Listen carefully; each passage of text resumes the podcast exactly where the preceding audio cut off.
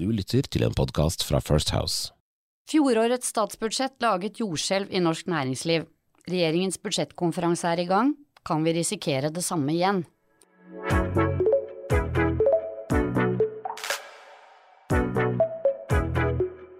Velkommen til Skjæringspunktet. Dette er podkasten for deg som liker å vinne lunsjborddebatten på jobb, som er nyhetsjunkie og følger eh, partilandsmøtene, eller for deg som gjerne vil holde deg oppdatert om aktuelle temaer i skjæringspunktet mellom politikk og næringsliv. Mitt navn er Cecilie Ditlev Simonsen, og med meg har jeg First House-kollega Sigbjørn Aanes og Jon Georg Dale. Hallo, hallo. Hei. Av og til vil vi ha med andre kolleger eller eksterne gjester i podkasten også. Vi som er med i dagens sending er alle partnere i First House, og vi er nerder innen politikk og kommunikasjon. Vi lever av å dele innsikt og gi råd til bedrifter og organisasjoner. Podkasten vår har fått nytt navn, Skjæringspunktet, nettopp fordi vi skal snakke om temaer i skjæringspunktet mellom politikk og næringsliv, og i skjæringspunktet mellom virksomheter og ulike interessenter. Dagens hovedtema er regjeringens budsjettkonferanse, den skjer i disse dager. Vi skal også innom ukens eh, Snakkis og den politiske kalenderen. Dette blir faste innslag også framover. I tillegg så kommer i alle fall en av oss, kanskje alle, til å dele ukens hodepine. Men først må vi introdusere oss skikkelig, og da tenker jeg at Jon Georg skal få lov til å presentere Sigbjørn. Jo, takk. Dette blir spennende for alle. Det blir spennende for alle. Sigbjørn er en eh, strålende fyr som jeg har jobbet med i mange år. Ikke bare i First House, men i politikken. Han er jo vår spinndoktor for Erna Solberg. Var med på regjeringsprosjektet som vi satt i lag i fra 2013. Og så jobber han veldig mye med ulike kunder her i First House, men han tror jo at han er ekspert på de fleste områder. Eh, Og det får vi sikkert høre mer om i denne podkasten. Ja, det er jo helt riktig. Ja, og hvordan vil du presentere Jon Georg? Nå må du være snill, Sigbjørn. Nei, men eh, det er veldig mye å si om Jon Georg. Han er vårens mann. Det betyr han blir som ei sol. Eh, Men eh, kanskje en litt mindre ydmyk eh, utgave av meg på en del ting. Men, Mindre ydmyk? Mindre ydmyk, ja. Men, men ah, har jo også vært statsråd, statssekretær. Vi var jo spinndoktorkollega. Du hadde jo den jobben for Siv når jeg jobba for Erna en periode, og vært på Stortinget. Men han er jo så mye mer enn det. Han er jo også tidligere kjøttskjærer og en fantastisk hobbykokk, og vi har alle noen nydelige øyeblikk fra når Jon Georg gråt på TV fordi at kompisen ble stemt ut. Så det er mye å si om Jon Georg. Dette høres veldig bra ut. Jeg tar ikke sjansen på å la noen av dere presentere eller beskrive meg, så jeg introduserer meg selv. Jeg har mange års erfaring som kommunikasjonsansvarlig i store bedrifter, Hydro og Gjensidige annet, og jobber mye som rådgiver for toppledere. Kriser jobber jeg også mye med. Når jeg ikke jobber, spiller jeg golf, men det tør jeg ikke snakke om fordi alle fotballfansene på kontoret mobber meg for det. Dere, eh, vi skal eh, snakke om eh, snakkisene siden sist, og det som i alle fall har vært et viktig tema de siste dagene, det har vært nestledervalget og fornyelsen i Arbeiderpartiet. Hva tenker du, Jon Georg?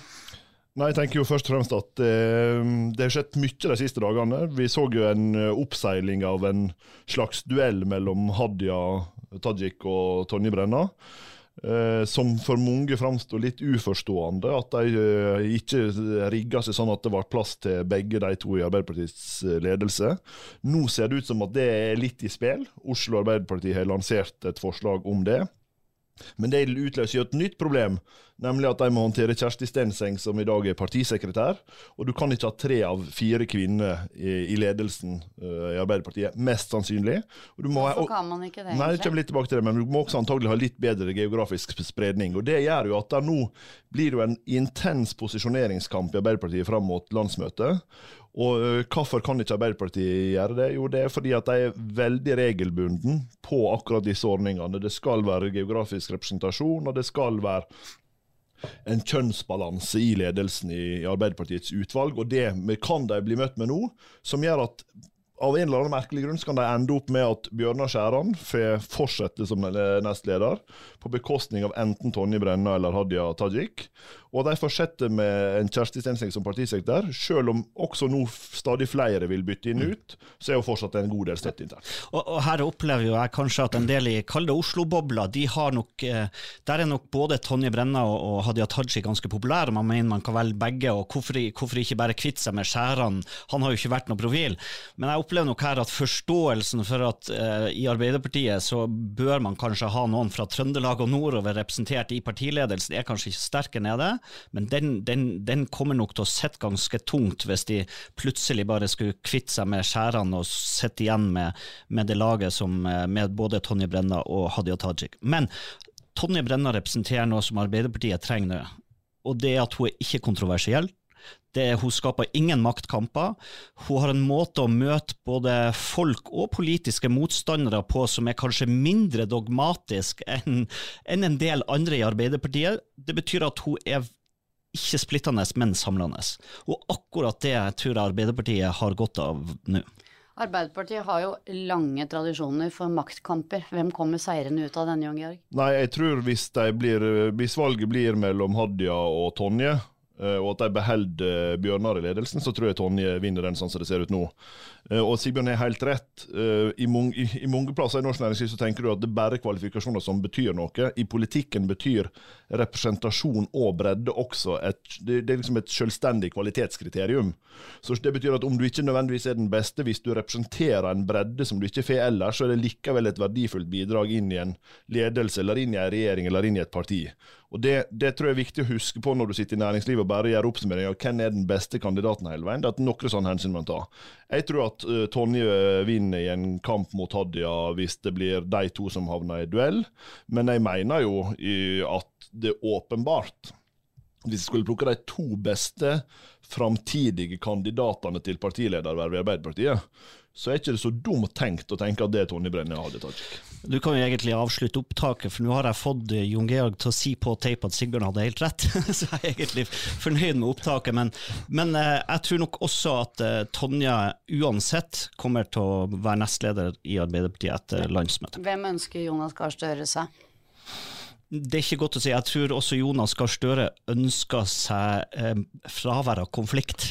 Jeg tror Jonas eh, primært ønsker at det ikke blir bråk. Mm. Så lever med alt av utfall.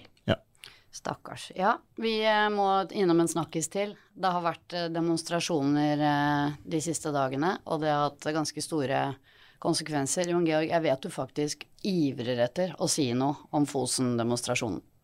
Ja, jeg er ikke sikker på om jeg bør, men Pust med magen. Ja, jeg, Pust med magen, og tenk at det, okay, det går an å være nyansert, ja, det, selv for deg. Det går an å være nyansert, men det er ikke lett i denne saken. Fordi at uh, ja, det er en krevende sak, og ja, det er en høyesterettsdom, og det er mange forståelige standpunkt i den saken. Men det som jeg syns er litt nytt, er at demonstrasjoner virker. Det er ikke skjedd noe nytt i Fosen-saken isolert sett de siste 500 dagene. Den tilstanden er kjent. Men det er når den begynner å lenke seg fast, hindre embetsverket, hindre statsforvaltninga i å faktisk aktivt gå på jobb, forpurre muligheter til at staten funker, da virker det. Og det mener jeg er prinsipielt betenkelig med måten en har håndtert dette på nå. Det at en har gitt etter for et press som kommer ut av demonstrasjoner, i stedet for ut av politiske prosesser. Og det tror jeg oppriktig talt potensielt er fryktelig skadelig. Hvordan tenker du, hvordan syns du regjeringen har håndtert det, Silje? Nei, jeg, jeg, må bare si at uh, Terje Lien Aasland har både i denne saken, men egentlig siden han ble olje- og energiminister, syns jeg fremstått utrolig bra. Det har vært storm fra alle kanter hele veien. Han har ikke fått et sekund fred og fri. Og vi vet jo, vi som har vært på innsida av regjeringen, vi vet jo at, at det er alltid en statsråd i krise. Her er det bare sånn at han har vært i krise siden han ble statsråd, og det er utmattende over tid. Så jeg, jeg mener Terje Lien Aasland fortjener enormt honnør, honnør for han, han, står opp, han er kunnskapsrik, han er rolig, han kommuniserer.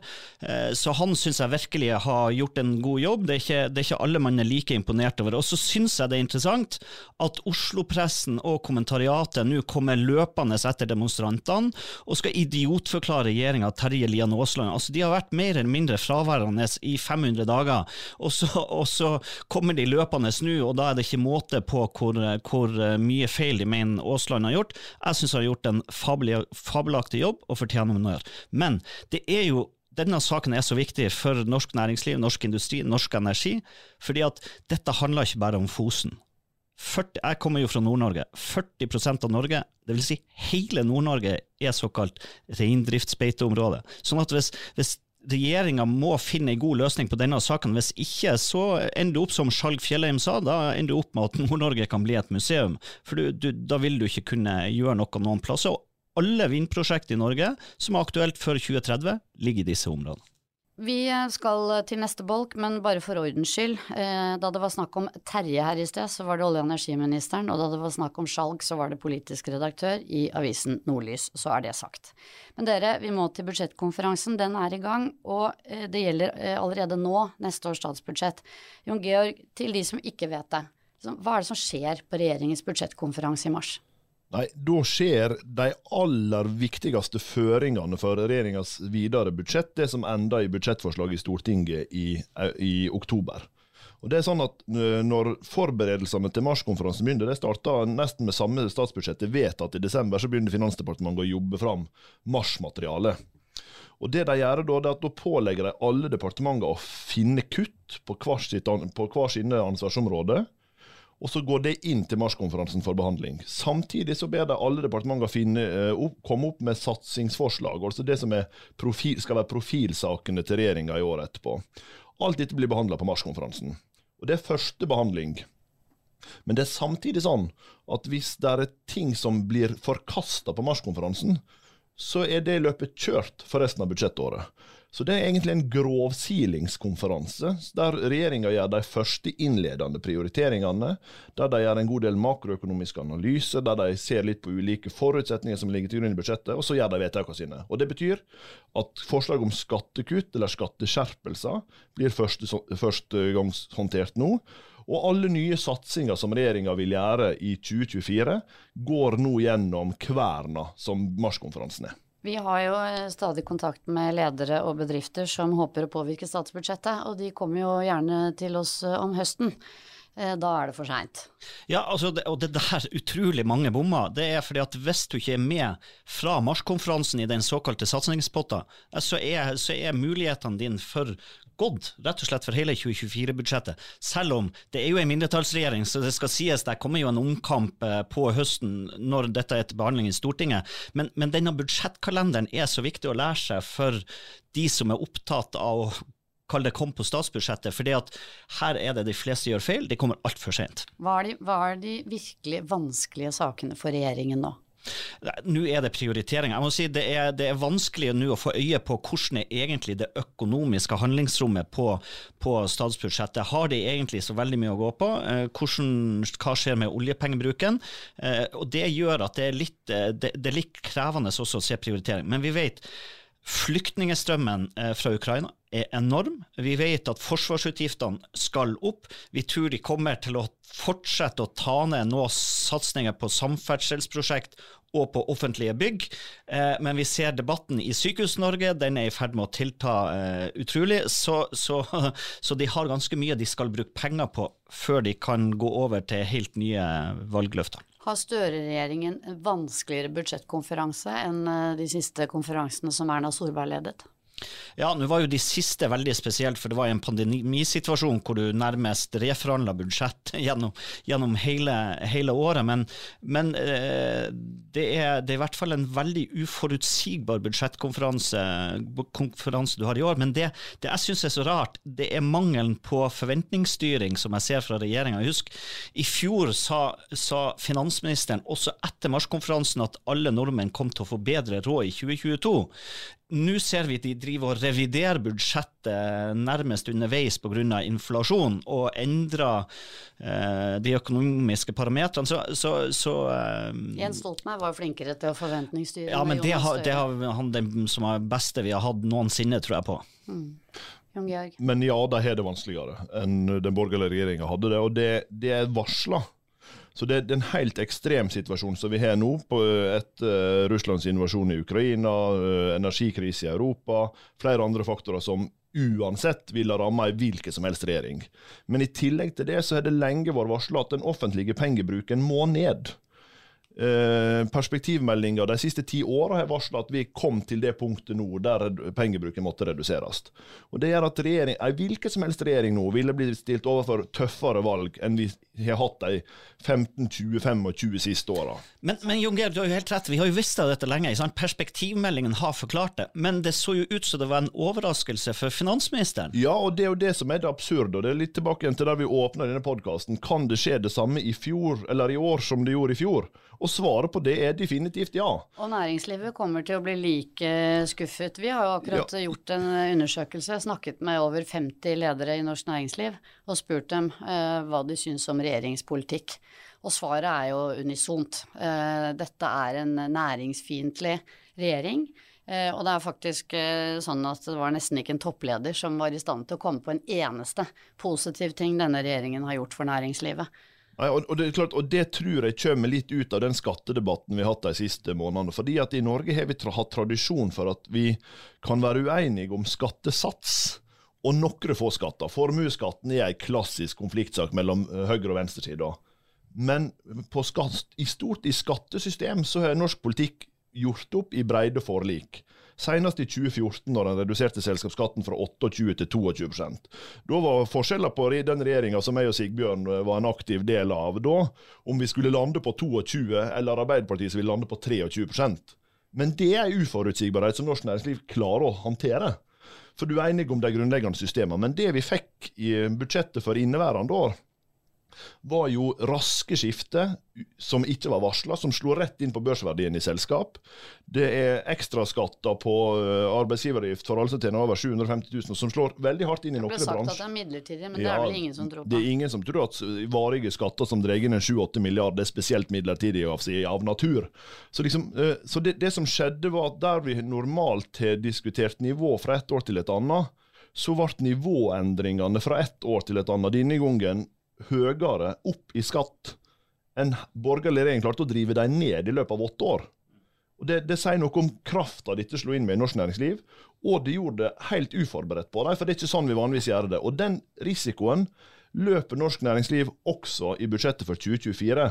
Fordi at hvis pengebruken må ned, og regjeringa har sagt at vi må skjerme offentlige tjenester, som mange vil mene at det er gode argument for, og ikke måtte ramme helsetjenesten eller eldreomsorgen eller, eller veibygginga for den del. Men det betyr jo at noen andre må plukke opp regninga. Og da er spørsmålet kan vi få nye skatteskjerpelser i den runda som nå foregår i, i mars? Og svaret på det er at ja, det grunnlaget kan vi få. Ja, jeg, jeg, tror også det. Dette har jo med, og Der får vi den politiske risikoen som egentlig er ganske ny i en norsk kontekst. Eh, man har alltid opplevd at Norge er et trygt land av investering. For det som Jon Georg sier, altså rød eller blå regjering, så er, så endringen er ikke nødvendigvis så stor, men endringen bruker også å være forutsigbar. Nå kom endringer ingen hadde forutsett, og som aldri har vært varsla, og som ikke har stått i noen partiprogram. Eh, og det, da, da introduserer man en usikkerhet som er ny. og jeg nok redd for at uh, om det kommer til å introduseres også nye eller skatteøkninger som følge av dette budsjettet. Det, det, det, disse lederne vi har snakket med sier, er at det de ønsker seg aller mest, er forutsigbarhet. Ok, dårlige nyheter, vi tar dem, men vi må vite om, om, dem, og vi må forholde oss til det. Og det er jo egentlig et standardsvar fra næringsliv bestandig. Forutsigbare rammebetingelser. Mm. Er det så vanskelig å levere på? Nei, det er ikke vanskelig å levere på. Man har alltid fått det til. Og så er det klart, det, det, for budsjettet i år så var det var jo første ordentlige budsjettet til denne regjeringa, men overraskende at de gikk seg såpass bort. Støre har tross alt sittet åtte år i regjering før og vært i, i budsjettkonferanser. Vedum har også mange budsjettkonferanser bak seg, så ja, det var litt overraskende. Men jeg tror det er ekstra viktig at de leverer på det, og at de også nå leverer noen av disse skatteendringene som er foreslått at de kanskje forsøker å få til brede forlik for å på en måte reparere litt den politiske risikoen. Vi, jeg ser at du bare, du bare må si noe, Georg. Det må være kort. Ja, eh, fordi at det, det som er poenget, er at ja, det er ikke sikkert det var så veldig forutsigbart, men det var også det. Denne regjeringa gikk til valg på at de skulle uh, skatte høyere der de største inntektene og formuene var. Det har de levert på. Så du mener det var forutsigbart? Nei, det, måten det skjedde på var ikke forutsigbar. Men at det kunne skje noe burde flere ha innsett. Fordi det var det de lovte. Og det som er utfordringa også for de av oss som tilhører åpenbart den andre politiske sida, er jo at vanligvis så får du kjeft i politikken når du ikke holder valgløftet. Denne regjeringa får jo kjeft for å gjøre det de sa at de skulle gjøre. Og det er jo litt, eh, er litt interessant å observere, da. De får kjeft uansett. Vi har eh, blitt enige med at vi hver gang eh, skal ha med liksom ukens hodepine. Og jeg har bare lyst til å spørre deg, Sigbjørn, hva er din? Jeg gjetter nemlig at det har noe med det nye kontoret å gjøre. First altså flytte inn i kjempefine kontorer, men det er veldig high-tech. Har du husket brikken din? Ja, altså dette er jo helt håpløst. For, for de som kjenner meg, vet jo hvor distré jeg er. Og hvis jeg må ha en brikke med meg hver dag for å komme inn på kontoret, så er det umulig. Da blir jeg stående på gata. Men du må ha en app òg for å få spist. Eh, Det har ikke jeg fått med meg ennå. Og du må ha en annen app for å få skap. Ok, det, ikke sant? Dette går bare ikke. Eh, Noen må ordne et eller annet. Jeg prøvde å ha et møte i stad og fikk ikke til noe som helst. Så, så, men men, men altså, er det så, er det så vanskelig? Eh, Det er kjempefine lokaler. Jon Georg, vi må bare hjelpe Sigbjørn Ja, men, dette det er men det er ikke bare ditt, vet du, for det skal være sånn clean desk. Og jeg har én mobillader. Hvis jeg skal drive og flytte med denne der forbarkede mobilladeren min fra pult til pult hver dag, i stedet for å få gå og sette meg på en fast plass der jeg kjenner meg igjen, der jeg føler meg trygg, og der jeg har alt jeg trenger, det blir små Men altså, det går ikke. Og da er du kanskje en av de som har lenket seg fast i en fast pult som en eh, Fosen-demonstrant her. For det er noen som nærmest har flytta inn og begynt å sette sånn ekstra sko under pulten. Det er ikke lov. Nå er det clean desk og free seating som gjelder. jeg, jeg, jeg, jeg sprer heldigvis mine ting utover mange pulter, sånn at jeg ikke Jeg tar ikke bare én pult, jeg tar et helt eh, areal. Eh, Men, men, men helt alvorlig, helt alvorlig, at folk finner seg i sånne arbeidsbetingelser rundt om i hele det ganske land. At du liksom må flytte rundt fra dag til dag. Du sendes, sendes, rundt, som rundt. sendes rundt som en pakke rundt i lokalet.